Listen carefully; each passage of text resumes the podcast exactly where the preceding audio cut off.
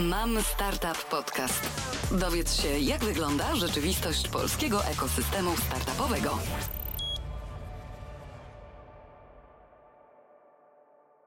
Dzień dobry, tu mam Startup Podcast. Przed mikrofonem Katarzyna Krogulec, redaktor Mam Startup, a moim dzisiejszym gościem jest Zuzanna Mikołajczyk, wizjonerka i innowatorka, strateg i trener innowacji, założycielka Know-How Match butikowej firmy doradczej, która wspiera liderów w projektowaniu i wdrażaniu innowacji, autorka programu Zyskowna Innowacja, w którym uczy jak projektować i wdrażać innowacje w małych i średnich przedsiębiorstwach, autorka podcastu Know-How Match poświęconego innowacjom, Doświadczenie zawodowe zdobywała w rodzinnej firmie Mikomax Smart Office, gdzie przez 10 lat pełniła funkcję członka zarządu oraz dyrektora marketingu odpowiadającego za dwie globalne marki Mikomax Smart Office oraz Hash Office. Dzień dobry Pani Zuzanno. Dzień dobry, bardzo mi miło za zaproszenie.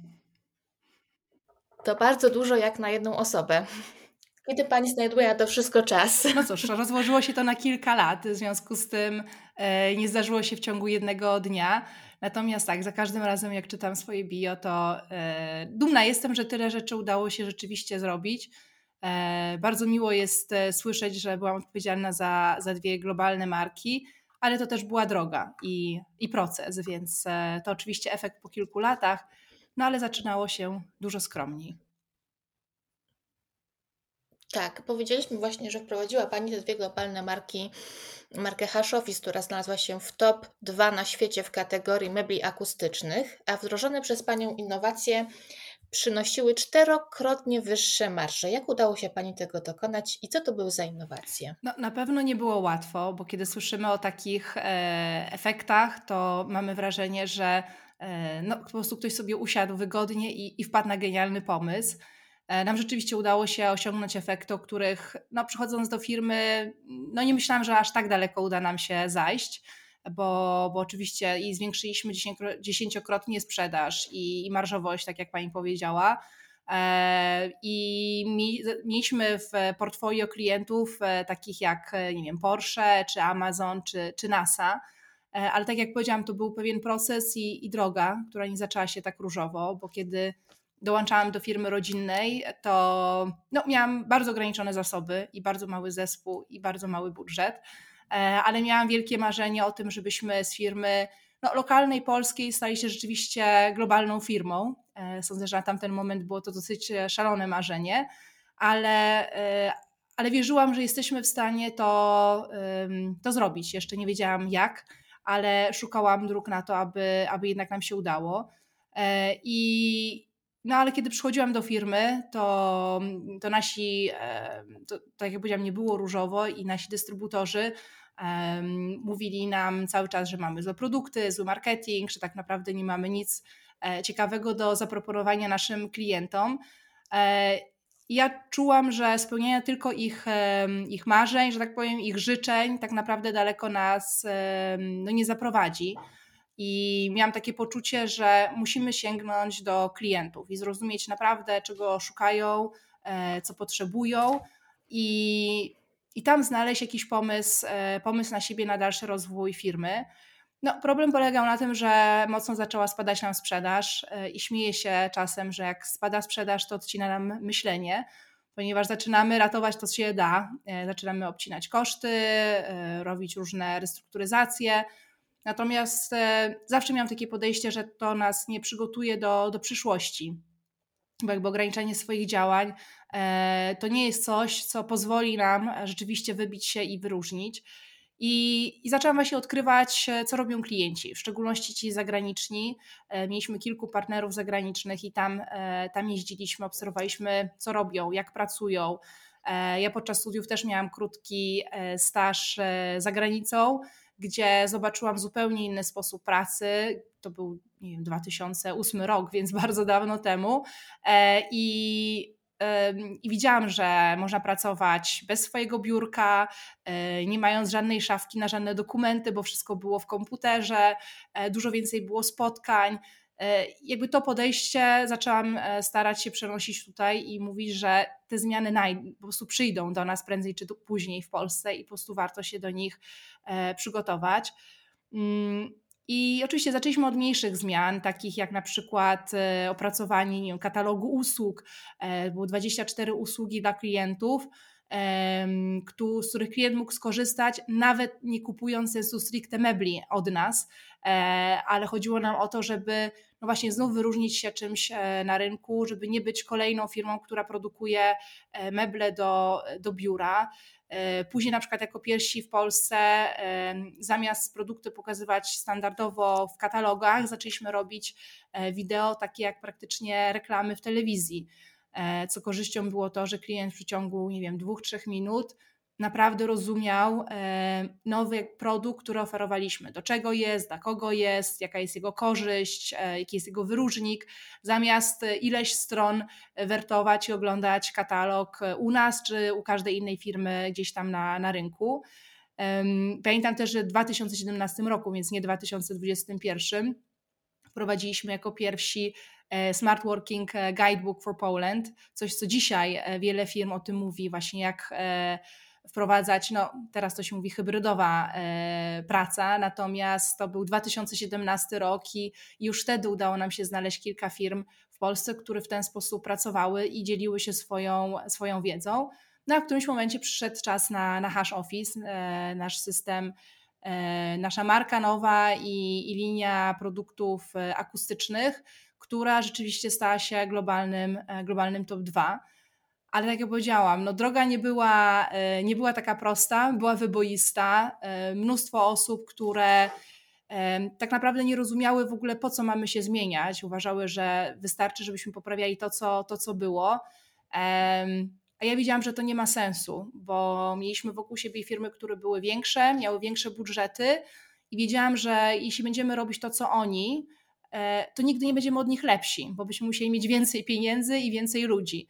Więc dla mnie jedynym sposobem było to, aby no iść jednak pod prąd i znaleźć e, naszą drogę, gdzie nie będzie miało znaczenia do końca, jaki mamy budżet, ile mamy osób w naszym zespole. Czy wszystkie pomysły, wszystkie innowacje, które wprowadza Pani w swoich firmach są całkowicie Pani autorstwa, czy konsultuje je, czy wymyśla Pani je ze swoim zespołem, czy to jest jakaś burza mózgu? E, jeśli chodzi dla, czy dla klientów zespołem, ja e, w tym momencie działam tylko, e, działam w ramach know-how match mojej firmy i, i sama indywidualnie pracuję. Ja w ogóle mam takie podejście, że każda innowacja powinna być wypracowana z klientem. To znaczy, nie wierzę w tak zwany outsourcing innowacji. To znaczy, że przychodzi klient i mówi: Chciałbym wprowadzić innowację, proszę mi coś wymyśleć. Jakby z różnych powodów to wynika. Po pierwsze, dlatego, że uważam, że taka kompetencja wprowadzania innowacji to jest kompetencja, którą każda firma powinna mieć u siebie, wewnątrz. Nie powinna e, wykorzystywać do tego kogoś e, zewnątrz, bo tak naprawdę każda, każda firma teraz potrzebuje wprowadzać, e, wprowadzać innowacje, bo to daje jej szansę na to, aby wybijać się, mieć ten wyróżnik e, i też zadbać o swoją tą część finansową, to znaczy o marżowość.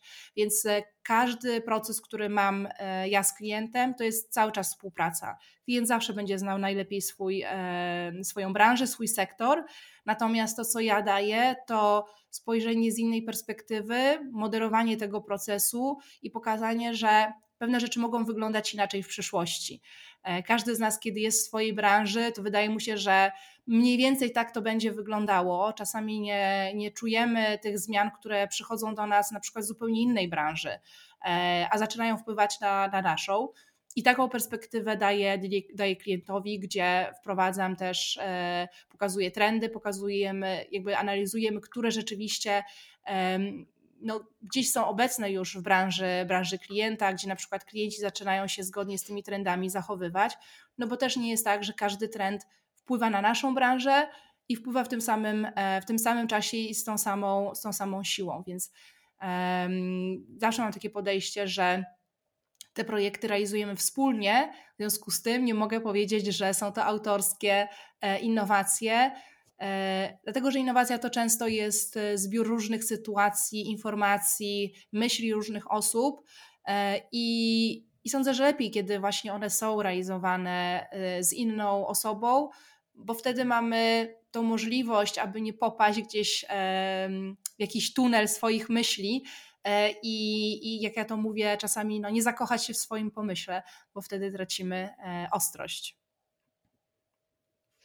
Czy mówiąc bardzo praktycznie, jeśli klient ma pomysł, jest Pani w stanie mu powiedzieć, czy to ma sens i pomaga ten pomysł rozwijać, jeśli jest sensowny? Tak, pokazuje mu przede wszystkim, w jaki sposób w ogóle sprawdzić, czy ten pomysł ma sens.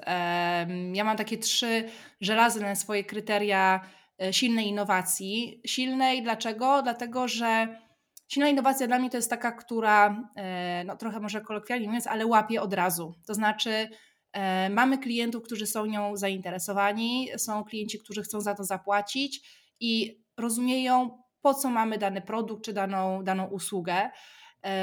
Weźmy sobie na przykład e, znaną, sądzę, e, każdemu z nas innowację i sukces rynkowy bezwzględny, paczkomaty.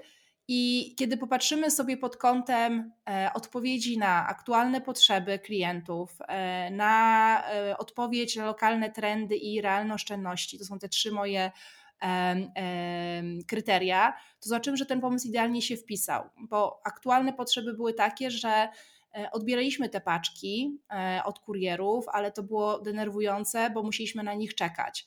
E, albo później musieliśmy odbierać to w punkcie odbioru. Nie każdy z nas chciał na przykład zamawiać do, do biura.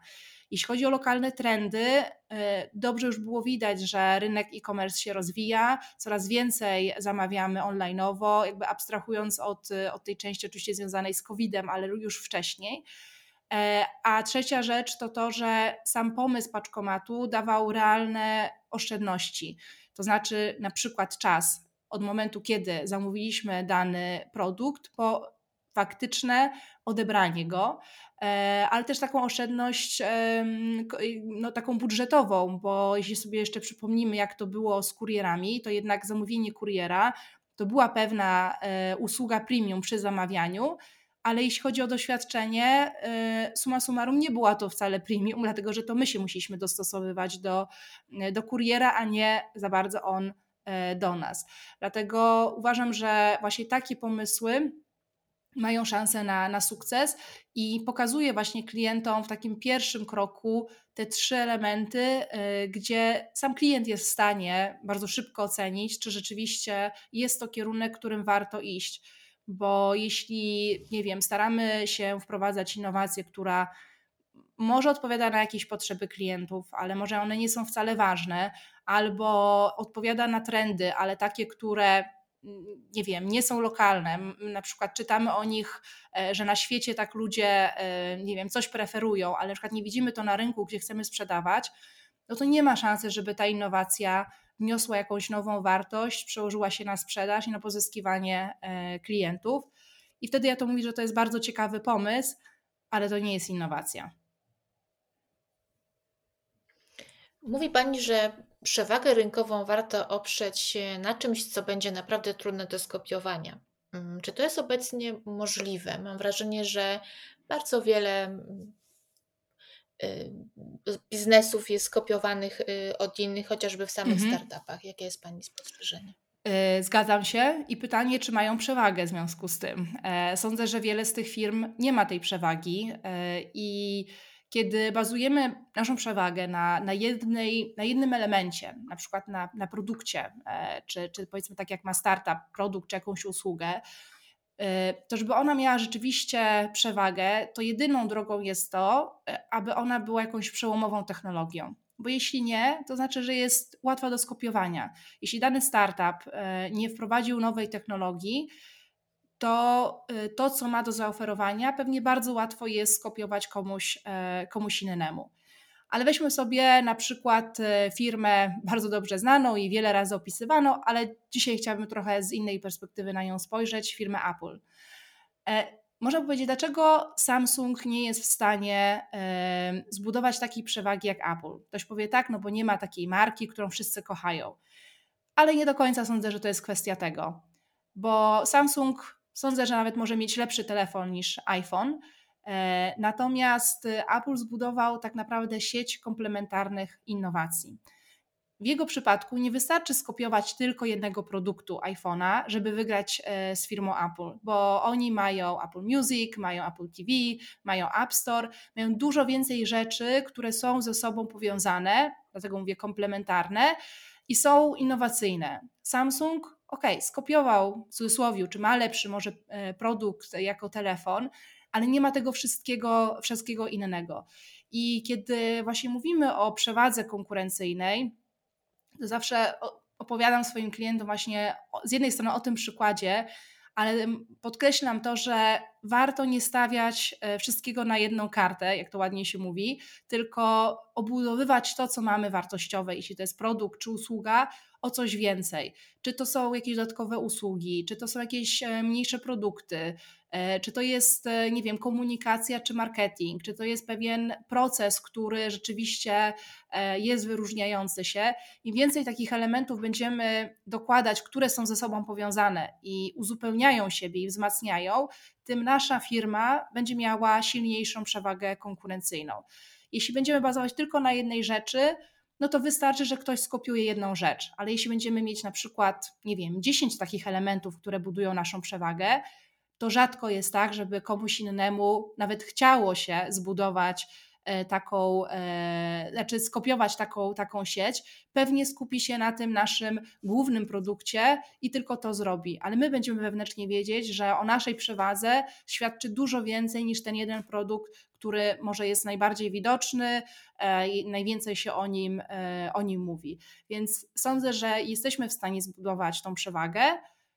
Tylko uważam, że trzeba na to trochę inaczej spojrzeć niż, niż często się mówi, że wdróż jakiś, nie wiem, wyjątkowy produkt czy wyjątkową usługę. Ja uważam, że można mieć dobry produkt, dobrą usługę, a, a, a wzmocnić ją innymi rzeczami, które na przykład będą powodować um, tą przewagę. Przewagę możemy też budować tym, że odpowiemy na potrzebę klienta, która jeszcze nie została zauważona przez innych i w związku z tym nie jest zaspokojona. To był przykład nasz e, Hash Office, gdzie my tak naprawdę naszą przewagę zbudowaliśmy tym, że odpowiedzieliśmy na zupełnie nową, nową potrzebę klientów, e, to znaczy możliwość szybkiej rearanżacji biura, której wcześniej nikt jeszcze nie zauważył. I, i w piersi wprowadziliśmy taki, taki produkt, który rzeczywiście dawał możliwość spotkania się, ale dawał też możliwość szybkiego przestawiania się w biurze. A to było tylko możliwe dzięki temu, że e, naprawdę bardzo często rozmawialiśmy z klientami i słyszeliśmy cały czas ich problem, że e, nowy problem, który wcześniej się nie, nie, nie, nie, nie było go, e, właśnie to, że bardzo dużo pracowników dochodzi do firmy, nie wiadomo do którego zespołu, nie wiadomo kiedy i biuro cały czas jest w transformacji. E, I, I tak naprawdę my trochę postawiliśmy w cudzysłowie na jedną kartę, ale znaczy na jedną kartę pod tym kątem, że powiedzieliśmy, ok, próbujmy w takim razie znaleźć tutaj rozwiązanie i tą przewagę zbudowaliśmy właśnie na tym, że znaleźliśmy, odkryliśmy taką potrzebę, która była bardzo ważna dla klientów, e, bo no, przygotowanie biura do, do pracowników jest, e, jest ważnym elementem, w szczególności dla facility managera, który za to odpowiada a był bardzo jakby niezadowolony z tego, w jaki sposób e, mógł to realizować w tamtym, w tamtym czasie. Więc e, też dobrą ścieżką jest, e, jeśli nie mamy na przykład tak silnego produktu, którego warto, który warto jest opakowywać, w naszym przypadku to było, że my już jakby nie, nie, potrzebowaliśmy dalej opakowywać swoich, nie wiem, biurek czy powiedzmy szaf, które mieliśmy jakimiś innymi pomysłami, tylko my musieliśmy wyjść poza to, co robiliśmy. To wtedy warto jest właśnie odkryć taką potrzebę i w tym pomagam, e, pomagam klientom, e, którzy właśnie w szczególności już są w takim momencie, gdzie polepszanie nie za bardzo ma, ma sens, a warto jest sięgnąć po coś nowego, również dlatego, że E, te potrzeby klienta e, w przeciągu, nie wiem, 3-4 lat bardzo się zmieniły e, i nie ma sensu poprawiać tego, co mamy, a trzeba po prostu sięgnąć po nowe. W jaki sposób zabezpieczyć innowacje przed kopistami? Czy wystarczą patenty? Znaczy, sądzę, że yy, patent jest pewnie już na jakimś, na jakimś etapie. My oczywiście też swoje, swoje budki Może nie patent, dlatego że patent nie zawsze jest dobrym rozwiązaniem. Są jeszcze wzory przemysłowe, różne są rozwiązania w zależności od tego, co mamy, co jest naszym rozwiązaniem. W naszym przypadku ważniejsza była forma, i w związku z tym dlatego mieliśmy zabezpieczone wzory, wzory przemysłowe. Natomiast e, sądzę, że to jest tylko pewne, pewne uzupełnienie e, i to, co pozwoli nam zabezpieczyć nasze rozwiązanie, to jest to, żeby właśnie trafić e, jak najszybciej na rynek i pozyskać klientów i zbudować swoją pozycję. Bo zawsze przyjdą firmy, które będą kopiować, przyszły firmy, które kopiowały nasze budki, ale w, nasz, w pewnym momencie dla nas nie ma to nawet różnicy i nawet nie wyciągamy naszych zabezpieczonych e, informacji, znaczy zabezpieczonych wzorów przemysłowych i nie pokazujemy tym firmom, bo one są tak daleko od nas, że to, że oni sprzedadzą e, kilka tych budek w podobnym kształcie co my, dla nas już na tym etapie nie ma znaczenia. E, na początku ważne dla nas było to, aby pozyskać kilku dużych klientów, żeby zaznaczyć swoją obecność, pokazać się E, bo tak naprawdę jeśli popatrzymy sobie nawet na takie zasady, e, jeśli chodzi o, o patent e, i, i tak dalej, to nawet jest kwestia tego, kto pierwszy produkt pokaże. Więc czasami już zabezpieczeniem dla nas jest to, że produkt został gdzieś pokazany na targach, na stronie internetowej, więc czasami to trzymanie naszych pomysłów głęboko w szufladzie czy na dysku, w komputerze nie zawsze jest najlepszym rozwiązaniem, więc ja uważam, wychodzenie, testowanie koncepcji, e, złapanie, złapanie pewnych, e, znaczy złapanie jakby klientów skali e, i, i, i to, ma, to ma sens. A na początku bawienie się i myślenie o patentach, chyba że mówimy rzeczywiście o przełomowej technologii, jakimś rozwiązaniu, no ale powiedzmy sobie szczerze, pewnie 99% innowacji to nie są tego typu innowacje. Mhm. Takie, mm, wyobrażam sobie, że tego typu budki akustyczne są raczej trudne do skopiowania, ale może okazać się, że ktoś ma bardzo prosty pomysł, załóżmy, że jest innowacyjny, bo jeszcze nikt na to nie wpadł, jednak na przykład produkcja czegoś jest szalenie prosta. Co w takim przypadku, kiedy zaczynamy, wprowadziliśmy produkt na rynek, cieszymy się, że jesteśmy pierwsi, a tutaj pojawiają się kolejni imitatorzy, bo już wiedzą, jak coś takiego zrobić, albo robią to taniej i są w stanie mhm. szybko zyskać przewagę konkurencyjną. No, ale to jest właśnie ten moment. Oczywiście możemy korzystać e, z zabezpieczeń takich jak patenty czy wzory przemysłowe, natomiast e, no też pamiętajmy o tym, że później musimy śledzić te wszystkie firmy, które to robią. E, dwa, no nie każde zabezpieczenie w formie wzoru przemysłowego rzeczywiście nas będzie zabezpieczało na każdą konkurencję bo na przykład budki, każdy, każdy kształt budki musiałby być e, zastrzeżony, żebyśmy mogli się naprawdę obronić. Więc jakakolwiek modyfikacja w kształcie na przykład produktu powoduje to, że on już nie jest zabezpieczony. E, nie wszystkie rzeczy też się da opatentować. E, można opatentować jakiś mechanizm, ale nie możemy opatentować całego, czasami gotowego produktu, związanego na przykład właśnie z, z formą czy z kształtem. Więc to nie jest takie, powiedziałabym, takie proste i E, oczywiście, jeśli mamy jakąś, tak jak powiedziałam, wysoką technologię, czy jakiś projekt naprawdę badawczy, to tak. Natomiast jeśli mówimy o takich, powiedziałabym, normalnych innowacjach, to, to tak naprawdę myślenie cały czas o kroku, do, o kroku do przodu. To znaczy nie skupianiu się na tym, że ktoś już zaczyna nas kopiować, tylko szukaniu kolejnych elementów, które e, spowodują, że będziemy, że będziemy dalej.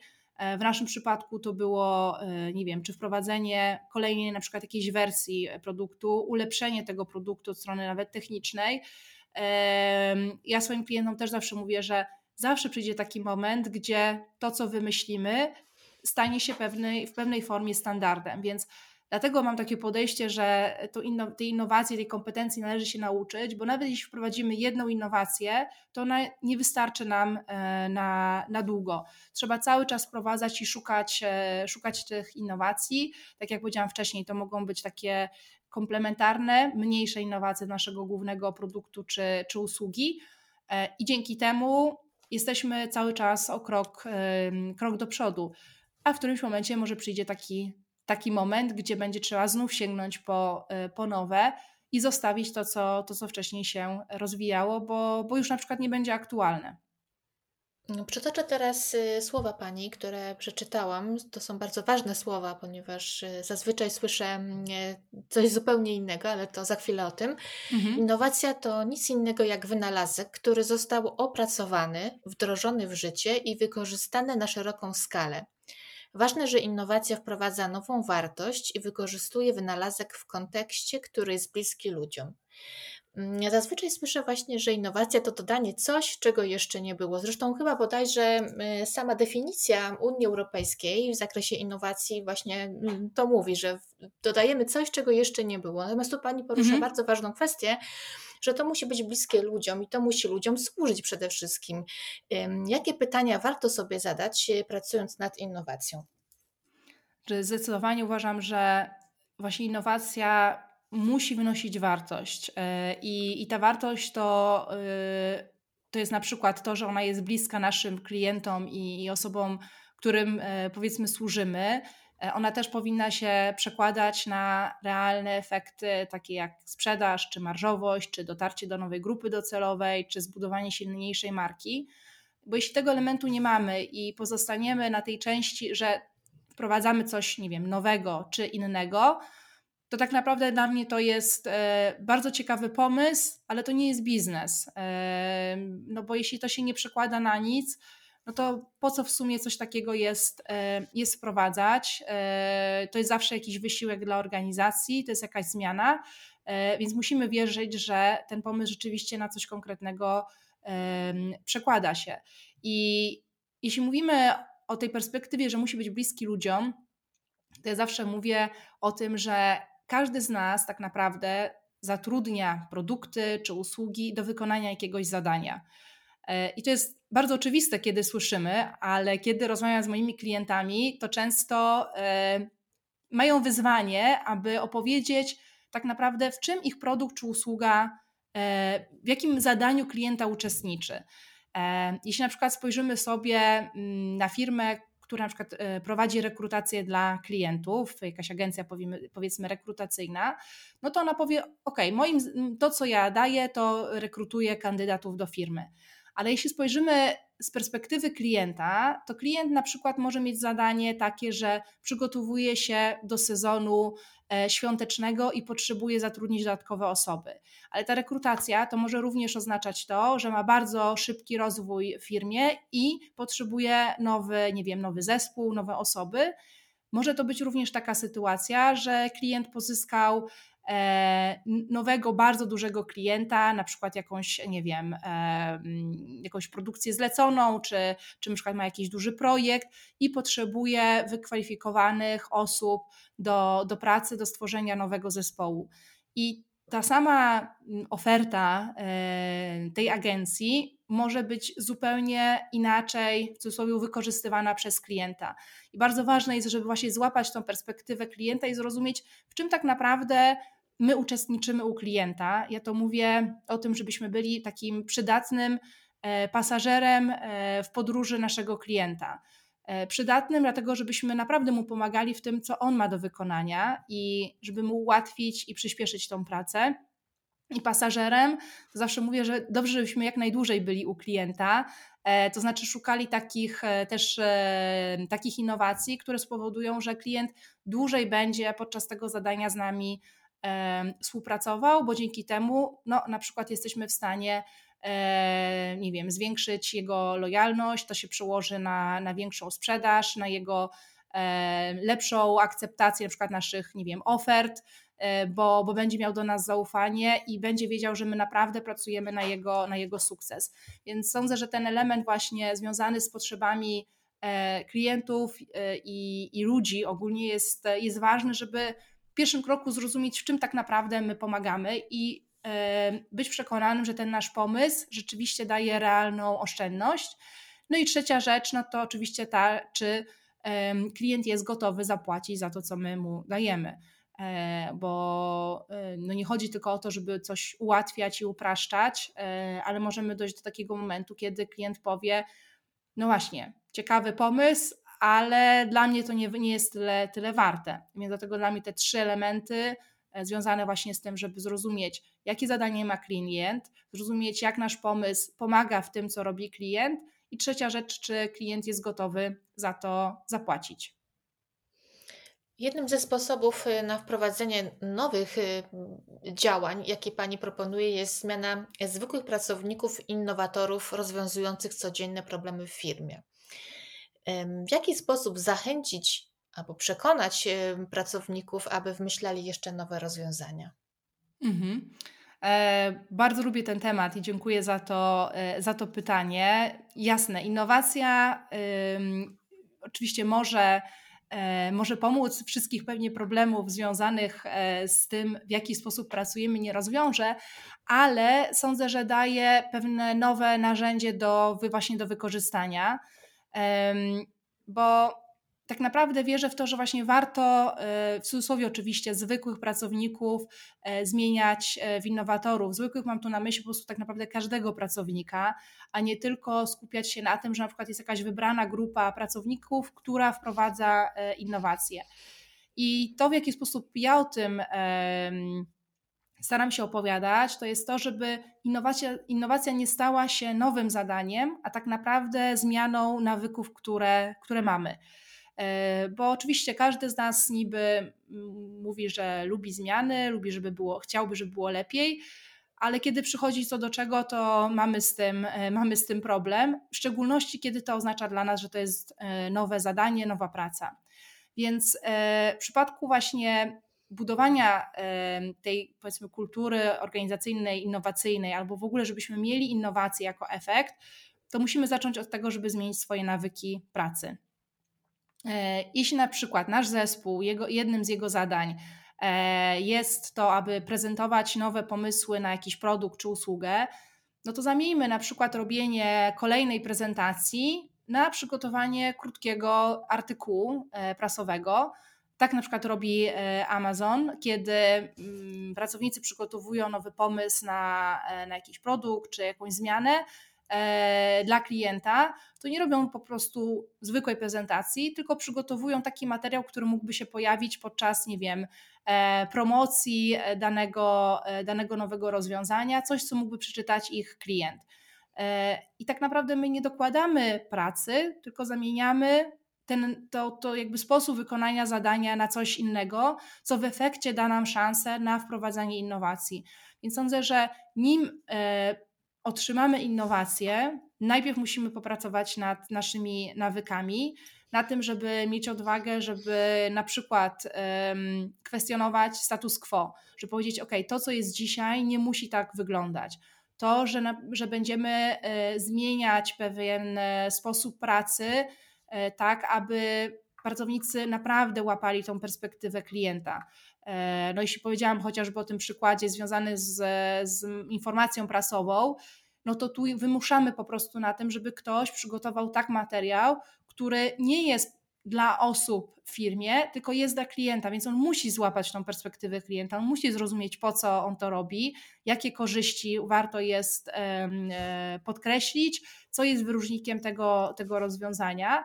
Więc e, to są takie podstawowe, powiedziałabym, dwa działania, które e, są bazą, żeby w ogóle jakiekolwiek innowacje zadziały się w firmie. Bo jeśli akceptujemy to, w jaki sposób wygląda nie wiem, na, dzisiaj nasza firma, jeśli uważamy, że w najbliższej przyszłości nic na naszym, naszej branży, u naszych klientów się nie zmieni, no to trudno, żebyśmy wprowadzali innowacje, no bo innowacja sama w sobie zakłada, że jednak jest jakaś zmiana i do, my do tej zmiany dostosowujemy się i staramy się ją wykorzystać na naszą e, korzyść. Więc ten pierwszy krok związany właśnie z kwestionowaniem statusu quo i e, zbliżeniem się do klientów, to uważam, że to jest podstawa do tego, żeby właśnie e, mieć w efekcie innowacje i w tym właśnie pomagam klientom, żeby znaleźć, zmienić pewne nawyki, które dzisiaj ma firma, na takie, które dadzą szansę e, w bliskiej przyszłości wprowadzić innowacje. Zaczynamy zawsze od małych rzeczy, które e, dają szybki efekt i sukces i przede wszystkim przekonują e, pracowników, bo każdy z nas chce, żeby jego praca była wygodniejsza, szybsza. Więc e, zawsze staram się znaleźć e, taki obszar, który w danym momencie na przykład frustruje pracowników i szukamy tam zmiany naszego sposobu pracy, aby było po prostu łatwiej, szybciej i, i przyjemniej. Innowacje to jest kreacja, kreatywność, w szczególności kreatywność foundera, bo raczej bez tego żaden startup by nie powstał. E, wyobraźmy sobie taką sytuację, że mam startup, nie mam za wiele do zaoferowania w sferze finansowej, ale widzę, że moi pracownicy są bardzo bystrzy, kompetentni. Jak kreatywnie podejść do tematu utrzymania tych pracowników? Co im zaoferować? Jakie środowisko stworzyć, by dalej rozwijali ze mną firmę i podjęli to ryzyko, że jednak może nam się nie udać? No to byłam bardzo podobnej ja sytuacji e, ileś lat temu, kiedy no, nie, mia- nie mogłam zaproponować wynagrodzenia, które no, jest konkurencyjne, nie miałam też e, pakietu, e, pakietu benefitów e, i to, co właśnie ja wykorzystałam i, i, stało się tym magnesem, to właśnie była innowacja i pokazanie, że przede wszystkim e, tworzymy coś wspólnie i każdy z nas może mieć e, wpływ na, na efekt. E, nie jesteśmy częścią wielkiej firmy, gdzie wdrażamy tylko i wyłącznie strategię. E, zrobimy może trochę lepiej to, bądź trochę gorzej, e, ale mamy szansę wprowadzić coś, co, no, z czego każdy z nas będzie dumny i będzie mógł się pochwalić nawet w kolejnej pracy, jeśli, jeśli zmieni się tą, tą pracę, bo sądzę, że każda, każda osoba, która chociażby przeszła przez naszą firmę, zdobyła takie doświadczenie, taką kompetencję i uczestniczyła w takim projekcie, który przez jeszcze długi okres czasu może wykorzystywać do tego, aby e, szukać nawet kolejnej pracy, tak, w innych miejscach, jeśli oczywiście to, to ją interesuje, ale wiele osób udało nam się pozyskać właśnie dzięki temu, że wprowadzaliśmy innowacje, które zostały z nami, e, bo chciały po prostu robić coś, e, na co mają wpływ. I sądzę, że to jest ten element, który trochę e, przy, czy przy startupach, ale w ogóle przy innowacji jest, e, jest ciekawe, że, że cały czas pracujemy nad pomysłem. Każdy może coś, e, coś wnieść, każdy może spowodować, że ten pomysł będzie inaczej wyglądał. Oczywiście pod warunkiem, że konfrontujemy to, to z rynkiem. Więc sądzę, że innowacja daje taką, taką możliwość, aby osoby, które chcą mieć wpływ, które chcą tworzyć i, i mają taką tą, ten element takiego e, twórcy i kreatora, e, to żeby mogły spełnić się i czuć się w tym, e, w tym dobrze. Mm, bo oczywiście finanse są ważne, natomiast one e, nie są najważniejsze. E, sądzę, że wiele osób jednak szuka tego, aby mieć, robić w pracy to, co rzeczywiście lubią, gdzie się spełniają i te 8 godzin wykorzystywać jak najlepiej i jak najciekawiej. A nie każdemu y, innowacja oczywiście musi pasować, czy praca w startupie. Mm, zawsze fajnie trafić na takie osoby, oczywiście, dla których właśnie to ma, to ma wartość i, y, i są gotowe z jednej strony zaryzykować, a może zrezygnować z pewnych benefitów, które są e, w większych organizacjach no ale tam może nie zawsze jest taki wpływ i możliwość tworzenia takich innowacji. Bardzo, bardzo cenna wiedza to jest Pani Zuzanno, ponieważ obecnie wiele startupów boryka się z problemem rekrutacji. Ostatnio powstał, powstał raport na temat problemów tegorocznych mm, startupów i tam w pierwszej trójce są właśnie problemy rekrutacyjne, ponieważ ciężko mhm. jest znaleźć obecnie osoby do, do pracy i z pierwszą przyczyną, jaką ludzie podają, dlaczego nie chcą pracować w startupach, to to, że jednak te wynagrodzenia są relatywnie niskie, a mają na przykład rodziny do utrzymania i to jest no, to, co Pani oczywiście. powiedziała, że ciężko jest wybrać czasem pomiędzy stabilną pracą, na przykład w korporacji, gdzie nie mamy praktycznie na nic wpływu, jesteśmy tylko tym trybikiem w maszynie, a startupem, który ma zupełnie inną filozofię i tam wręcz chodzi o to, żeby być pomysłowym i żeby mieć wpływ na wiele rzeczy, żeby samemu decydować o pewnych sprawach, bo o to chodzi też, żeby być samodzielnym, a nie ciągle pytać o zdanie. Mhm. Ale wydaje mi się, że bolączką, bolączką w ogóle ogólnie polskich firm jest y, to, że my chyba mamy jakiś problem z innowacyjnymi pomysłami. Czy w ogóle bycie innowacyjnym w Polsce jest trudne? Często spotykam się z takim stwierdzeniem, że zwolniłem się z pracy, bo nie chcieli moich pomysłów, y, miałem nowe rozwiązania, a oni ciągle robią to samo z małymi bądź żadnymi efektami. Jaki mamy w ogóle problem? Czy, czy nie chcemy, boimy się, jesteśmy leniwi? Mówię o tych, ogól, o tych tradycyjnych polskich mhm. firmach, czasami dużych, czasami mniejszych. No, tak jak powiedziałam wcześniej, mam wrażenie, że y, bardzo często chcemy zmian, natomiast y, nie zawsze y, bardzo chcemy wprowadzać te zmiany i, no, i być samemu zmienianym, to znaczy chociażby nasz sposób e, pracy, czy, e, czy nie wiem, jakie narzędzia wykorzystujemy do swojej pracy bo to wymaga wysiłku, to jest pewne ryzyko i też takiej pewności, że damy sobie radę.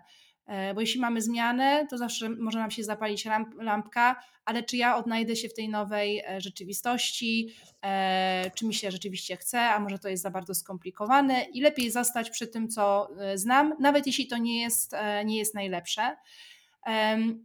Kiedy pracuję z, z klientami, to staram się przede wszystkim pokazywać pracownikom inną jakby inną perspektywę, perspektywę alternatywną. Nie mówię, że ona jest lepsza, nie mówię, że ona jest jedyna. Pokazuję im, że jeśli oni patrzą na daną sytuację w ten sposób, identyfikują, nie wiem, takie problemy, to ja im dam inną perspektywę. E, I staram się pracować nad tym, aby zrozumieli, że w ogóle jakaś zmiana jest potrzebna, żeby zrozumieli, dlaczego w ogóle mają się zmieniać. E, I to czasami jest kwestia zespołów, to czasami jest kwestia osób, które, które zarządzają firmą. Natomiast e, sądzę, że czasami zbyt szybko przeskakujemy do etapu już tych zmian, wprowadzania tych zmian. E, I, i to budzi pewien też mm, opór, bo ludzie jeszcze nie są przekonani, że w ogóle ta zmiana jest potrzebna, a my już im mówimy, jak to ma być zrobione. E, I ostatnio nawet miałam taki webinar dla, dla dużej korporacji, gdzie właśnie takie pytanie się pojawiło, że no, pokazuje nowe pomysły, ale nie do końca e, one mm, jakby jest, są zadowoleni, znaczy zespół jest zadowolony z tego, trochę traktowany jestem jako taka osoba, która cały czas coś tam wymyśla. I ja pamiętam ze swojego doświadczenia i, i podzieliłam się tą poradą, że właśnie warto po pierwsze, na tych spotkaniach pokazywać te nowe pomysły jako pewna alternatywa. Nie mówić, że to tak musi być, nie mówić, że zmiana jest potrzebna, tylko powiedzieć: Słuchajcie, nie wiem, zobaczyłem to, to i to, rozmawiałem z klientami, usłyszałem to, to i to, e, doczytałem w raportach taką i taką informację. Mi się to składa na, na taki obraz. Co wy na ten temat sądzicie? Stworzyć bardziej e, taką wspólną platformę do rozmowy i dyskusji a nie mówienie, że to na pewno jest e, jedyna droga. Ja czasami taki błąd e, popełniałam, bo chciałam pewne rzeczy przyspieszyć, chciałam, żebyśmy szybciej w pewnych sytuacjach reagowali. No i to powodowało, że skracałam sobie ten proces i zawsze, zawsze to się odbijało na, na sytuacji, na przykład w zespole, gdzie było takie odczucie, że ja zmuszam do tego, żeby do, do jednej swojej wizji, E, a to nie była prawda, no ale tak się trochę zachowywałam, więc e, później to zmieniłam i wiedziałam, że dużo lepiej jest w momencie, kiedy daję więcej czasu na to, aby zrozumieć e, ten kontekst. Co mi mówią klienci, co słyszę na konferencjach, co przeczytałam w raportach, żeby dać szansę ludziom do tego, żeby się z tym zapoznali, prze, prze, tak przetrawili, E, i uznali, że ta, w tej perspektywie jest coś ciekawego. I dopiero wtedy zacząć szukać tych, e, tych pomysłów. E, no bo rzeczywiście możemy być traktowani, że albo mamy pomysły i nikt nas nie rozumie, no ale jeśli tak robimy i cały czas dostajemy taki sam efekt, no to tak, ja też musiałam w którymś momencie spojrzeć sobie w twarz i powiedzieć: Zuza, chyba coś robisz nie tak, jeśli za każdym razem e, jest taki efekt i zmieniłam po prostu swoje podejście e, i zwolniłam ten pierwszy etap, który sądzę, że bardzo często staramy się przyspieszyć, żeby wprowadzić jakąś zmianę i wprowadzić jakąś innowację. Dajmy sobie czas i dajmy czas innym na przetrawienie tego, bo my ten czas mieliśmy, ale tym osobom, którym prezentujemy swoje pomysły, dajemy często 45 minut e, czasu prezentacji, żeby oni zrozumieli po co, dlaczego i jaka to jest zmiana. Więc dajmy sobie czas. Y, czy ta niechęć może być też związana z ego szefostwa? Mam tutaj na myśli na przykład takie myślenie, ja wiem lepiej, nikt nie będzie mi mówił, jak co jest dla, co jest dla naszej firmy lepsze, to ja mam pomysły. Mhm. E, oczywiście zawsze możemy na takiego szefa trafić. E, sądzę, że może niektóre osoby też uważały tak o mnie. Natomiast ja też miałam swojego szefa w postaci mojego taty, ponieważ no, e, firma była rodzinna. E, i e, moje szefostwo również miało bardzo silne zdanie, natomiast e, moją drogą było to, że ja swoje pomysły miałam ugruntowane w tym, co mówili klienci. To nie były moje pomysły, to było, mi się wydaje, albo moim zdaniem to i to, tylko ja mówiłam, widzę to, słyszę, czytam.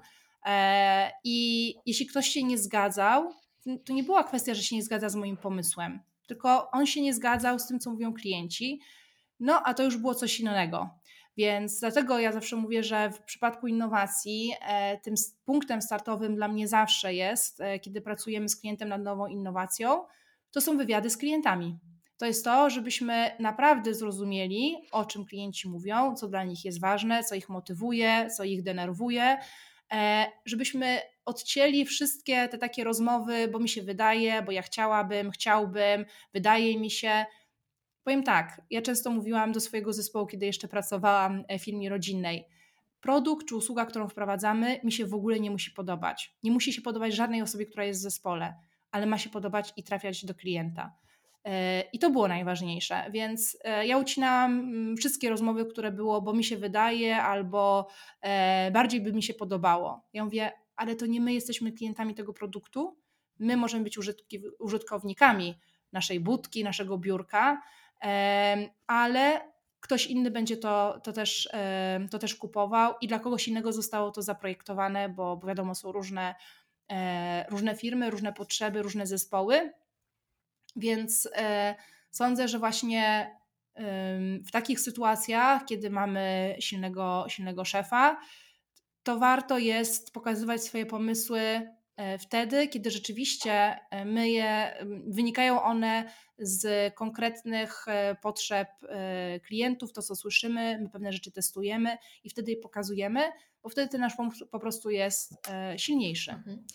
Jak technicznie podejść do zachęcania pracowników do zgłaszania swoich pomysłów, bo to czasami, że powiemy, że możecie do mnie przyjść zawsze, wydaje mi się, że bardzo często nie skutkuje, bo jednak ludzie boją się ośmieszenia. I nie wiem, czy to na przykład powinny być otwarte drzwi od mhm. gabinetu, i które dają sygnał, że zawsze możemy przyjść z jakimś pomysłem czy problemem, czy jakaś specjalna tablica, yy, czy specjalnie wygospodarowane miejsce na Slacku. Ja muszę powiem swój przykład z pracy, bo ja mam mm, czasem bardzo dużo pomysłów i yy, wszystkie zgłaszam swojemu y, szefowi, który ma, uważam, idealne podejście dlatego że nigdy mnie nie wyśmiał, a myślę, że mógł parę razy, bo czasami moje pomysły są naprawdę abstrakcyjne, ale co robi mój szef, mm, to nigdy nie neguje tego, co ja mówię, tylko stara się mi nawet nic nie tłumaczy, tylko mówi, a wiesz co, może dodamy do tego coś jeszcze, albo odejmiemy, wiesz co, możemy w ogóle zrobić to w jeszcze inny sposób. I zawsze, mhm. jeśli nawet on się z tym nie zgadza, czasami się zgadza, czasami nie, to zawsze doda mi, podpowie mi jakąś radę, co możemy ulepszyć albo zmienić. I to jest przykład y, ode mnie. Co Pani powie od siebie? Mhm.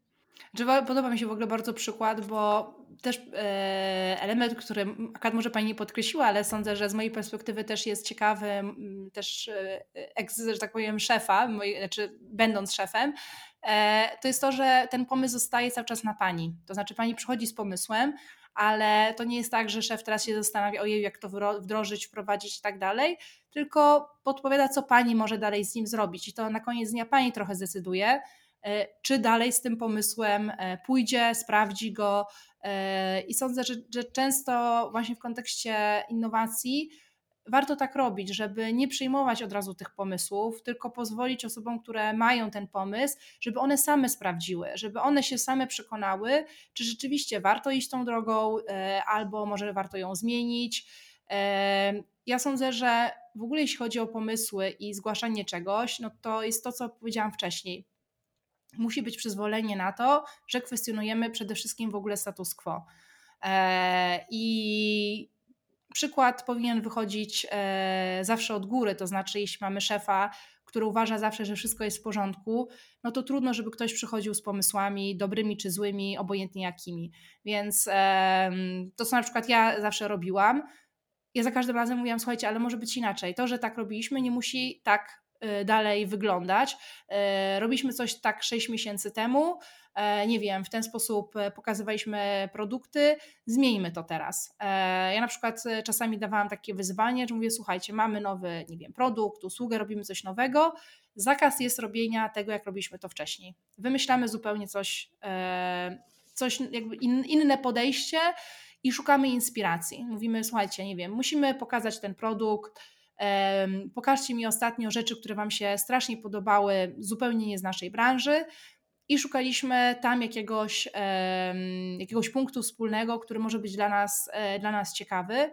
Więc e, sądzę, że czasami po prostu to, żeby sam menadżer, e, szef mm, czuł się w porządku z tym, że kwestionuje pewne rzeczy, mówi: OK, słuchajcie, nie musimy tego robić w ten sposób, możemy robić inaczej, zastanówmy się jak.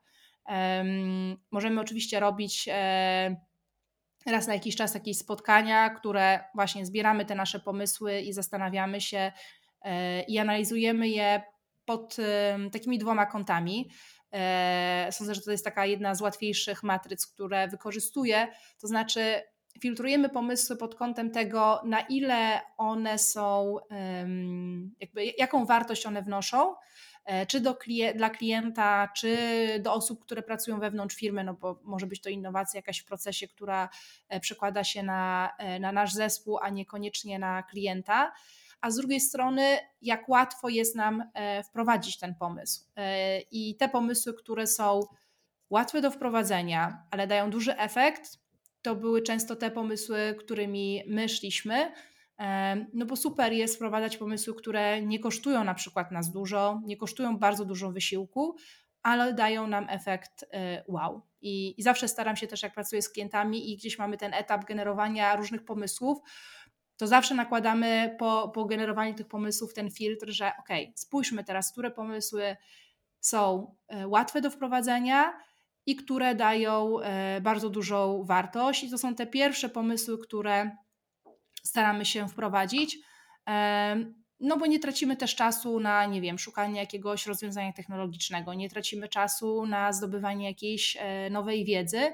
Jesteśmy w stanie dosyć szybko E, je wprowadzić i, i dzięki temu też e, uczymy się w ogóle wprowadzania e, innych, nowych rzeczy, mm, tak powiem, zaznajamiamy się w ogóle z, z innowacją.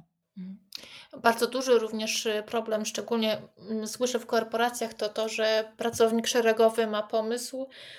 Załóżmy, jest to jakiś mały projekt nawet, a menadżer podpisuje się pod tym pomysłem. Czy spotkała się z tym pani i co w takiej sytuacji można by było zrobić? Czy nie wiem, już zostaje tylko jakaś droga sądowa? Nie wiem, no pewnie w pierwszej kolejności kto ktoś wyżej, jakiś może dyrektor, który mógłby rozwiązać tę sprawę, chociaż myślę, że rzadko są przychylni. Co w tej takiej sytuacji mhm. zrobić, jeśli ktoś czuje się pokrzywdzony, bo, bo jest autorem pomysłu, a potem się go pomija? No cóż, powiem szczerze, chyba nie spotkałam się z taką sytuacją. Zawsze ja się starałam, żeby to właśnie pracownicy pokazywali swoje pomysły. Nawet z, takiego, z, takiego, z takiej perspektywy, że chciałam, żeby to oni e, mieli ten moment, kiedy w cudzysłowie muszą obronić pomysł swój. E, bo czasami bardzo łatwo jest przyjść i pokazać swój pomysł, powiedzieć szefowi, no a czymś innym jest na przykład zaprezentowanie go innym dyrektorom, e, obronienie go, opowiedzenie, zaprezentowanie go w ogóle. Więc ja akurat miałam zawsze taką strategię, że e, ja chciałam, żeby pracownicy pokazywali swoje pomysły, żeby nauczyli się nie tylko mi opowiadać o tych pomysłach, ale również poza naszym zespołem. No chyba, że pomysł był naprawdę bardzo zmieniający E, na tamten czas naszą rzeczywistość, no to wtedy e, często ja wchodziłam, e, rzeczywiście prezentowałam pomysły, ale zawsze mówiłam, kto za tym pomysłem stoi. I, i sądzę, że to też jest kwestia, jaką mamy relację mm, między sobą, tak? Na ile mm, pracownik też czasami czuje się w porządku z tym, że ktoś prezentuje jego pomysł i w cudzysłowie podpisuje się pod nim, ale ja wtedy zawsze uważałam, że ten, tym celem było to, żeby obronić pomysł. Nie chodziło akurat mi w moim przypadku o to, żeby ktoś e, mnie poklepał po plecach, powiedział za super pomysł, bo to, bo to nie o to chodziło. Więc nie wiem, powiem szczerze, e, co, co można zrobić. Na pewno w większych firmach e, jest takie ciało, które daje szansę, żeby no jakieś w cudzysłowie przewinienia móc, móc zgłosić. Wiadomo, że w dużych firmach też są kodeksy, do których pewnie jesteśmy w stanie się odnieść. Natomiast sądzę, że jeśli no, mm, pracujemy z takimi osobami, bo to może być szef, ale to też może być nasz kolega i koleżanka z zespołu, to nie zawsze musi być osoba wyżej, no to pytanie, czy, czy czujemy się dobrze w takim zespole i chcemy, mm, chcemy pracować, ponieważ mi byłoby chyba trudno pracować wśród osób, do których po prostu nie mam zaufania E, i boję się coś im e, pokazać, więc sądzę, że to pewnie każdy musi podjąć e, jakąś tam decyzję i zastanowić się, czy to jest no, miejsce dla niego, tak? Bo wszystko można zgłaszać, ale, no, ale pytanie, czy, czy jest jakaś szansa, żeby, nie wiem, zmienić chociażby zespół na, na inny i zmienić trochę to swoje środowisko.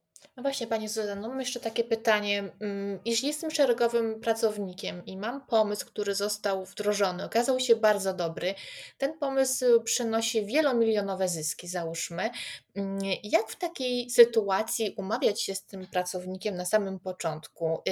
Czy jakoś dzielimy się tym zyskiem, czy dostajesz premię za to, że to wymyśliłeś? W jaki sposób do tego podejść, żeby pracownik nie poczuł się y, pokrzywdzony, że dostaje po prostu cały czas swoją zwykłą pensję, a są dodatkowe zyski dla firmy? Mhm. Znaczy, ja mam takie, miałam podejście i nadal mam, że wprowadzanie innowacji to tak naprawdę jest zadanie każdego, każdego z nas, każdego pracownika. To jest tak samo jak, nie wiem, szef e, ma za zadanie i powinien cały czas się dokształcać, zmieniać, zmieniać swój sposób kierowania zespołem. Tak samo zespół też wprowadza pewne zmiany, które przekładają się na, na lepsze efekty firmy. Pytanie, co się stanie, kiedy tego nie będziemy robić? E, bo ja zawsze mówiłam, no dobrze, możemy nie wprowadzać tych zmian, ale co to będzie oznaczało, że E, zaczniemy, spadnie nam, zacznie nam spadać sprzedaż, będziemy zmuszeni, żeby może niektóre osoby zwolnić, a w którymś momencie zamknąć firmę. E, ja mówię o firmie rodzinnej, gdzie e, powiedzmy ten termin ważności, jak ja to mówię, jest dużo krótszy i to nie wygląda tak jak w przypadku też wielu korporacji, że są w stanie długo funkcjonować. No, może trochę innej rzeczywistości. W przypadku firm rodzinnych no, nie da się funkcjonować przez lata, nie zarabiając. Więc e, no, w naszym przypadku też tak było, że prowadziliśmy innowację, która przełożyła się na e, no właśnie chociażby na zwiększenie tak sprzedaży, marżowości i, i zyskowność e, firmy. E, oczywiście to nie do końca jest powiązane z innowacją, ale przecież mamy różne systemy wynagradzania pracowników za, nie wiem, realizację e, chociażby celów, jeśli chodzi o sprzedażowe, e, czy generowanie, generowanie marży i to jest jakby z tym, e, z tym też powiązane. Natomiast ja też uważam, że nie powinno się, e, powiedziałabym, wypaczać trochę innowacji. To znaczy nie traktować jako coś dodatkowego, e, tylko to powinno być naszym standardem pracy. I jeśli nie będziemy wprowadzać tych innowacji, to spowodujemy to, że firma będzie nieaktualna, nie będzie miała nic ciekawego, nie będzie miała przewagi, będzie spadała marża, sprzedaż E, i tej pracy po prostu nie będziemy mieć za, za, jakiś, tam, e, za jakiś czas, więc to, w jaki sposób firma później oczywiście rozdziela zyski na wszystkich pracowników, no to już jest trochę inna, e, inna, inna sprawa. Natomiast sądzę, że w takiej jakby sferze każdego menadżera, no bo nie każdy menadżer będzie miał wpływ na to, aby rzeczywiście no, podzielić ten, ten zysk innowacji, e, to, e, to jest kwestia tego, aby no, też tłumaczyć, że to jest po prostu jakaś, znaczy, że to jest sposób pracy, który, który zostanie. Ja też na początku, kiedy mm, mówiłam, że potrzebujemy się zmieniać, to dla wielu osób to było traktowane, że to jest jakieś dodatkowe zadanie dla nich, w związku z tym powinni dostać dodatkowe wynagrodzenie. Ja mówię, że nie dlatego że po prostu Twój sposób pracy musi się zmienić, żebyś to, co robiła, było aktualne dla naszych klientów. Nie możesz pracować tak jak przez ostatnie 10 lat, bo stracimy naszych klientów. Więc Ja sądzę, że zmiana tej perspektywy, że innowacja to nie jest coś nowego, to jest po prostu zmiana to, jak robimy pewne, pewne rzeczy. No bo dlaczego z drugiej strony mamy wprowadzać pomysły, które nie przynoszą nam żadnego zysku? Czy ktoś w związku z tym traci, jeśli wprowadza rzeczy, które e, się nie sprzedają? Nie, nie traci. Więc. Um, ja sądzę, że po prostu o innowacji powinno się mówić, że to jest taki nowy standard e, pracy, wprowadzania pewnych zmian e, i, i sposobu, sposobu myślenia, a nie pokazywania jako coś e, dodatkowego, tylko i wyłącznie, które się przekłada na jakby na korzyści dla firmy, bo to powinny być korzyści dla wszystkich, e, dla osób, które pracują, dla firmy, e, dla, dla udziałowców, dla klientów i tak dalej. Więc Sądzę, że trochę czasami tą perspektywę warto byłoby zmienić, aby nie traktować właśnie tego jako coś, jako po prostu dodatkowe zadanie na liście naszych obowiązków. To już wszystkie moje pytania. Czy chciałaby Pani coś dodać? Może nie zapytałam o coś ważnego. Nie, wydaje mi się, że wiele tematów e, omówiłyśmy i w kontekście czym jest innowacja, i tym, e, jak właśnie zacząć czasami tą ścieżkę innowacji w własnej firmie. To, co mówiłam a propos nawyków, e, że, że warto jest zacząć od nawyków, nim przejdziemy do tej części związanej właśnie z efektami, żeby oczekiwać, że już będziemy mieć konkretną, konkretną innowację. Sądzę, że temat, o którym Pani powiedziała, jest, jest ciekawy związany z tym, jak wynagradzać za innowacje. Natomiast sądzę, że mm, ciekawsze jest jeszcze to, aby w ogóle e, mówić właśnie o innowacji jako takim, e, takim nowym, powiedziałabym, standardzie e, i tak kreować tą pracę i współpracę między zespołami, aby, aby innowacja była takim czymś, czymś normalnym, a nie naszym kolejnym projektem na liście i jakimś zadaniem, które no właśnie uważamy, że jest czymś dodatkowym, a nie a nie może być ciekawym e, dla nas e, formą pracy, a przede wszystkim też zadbanie o to, abyśmy byli nadal aktualni jako pracownicy.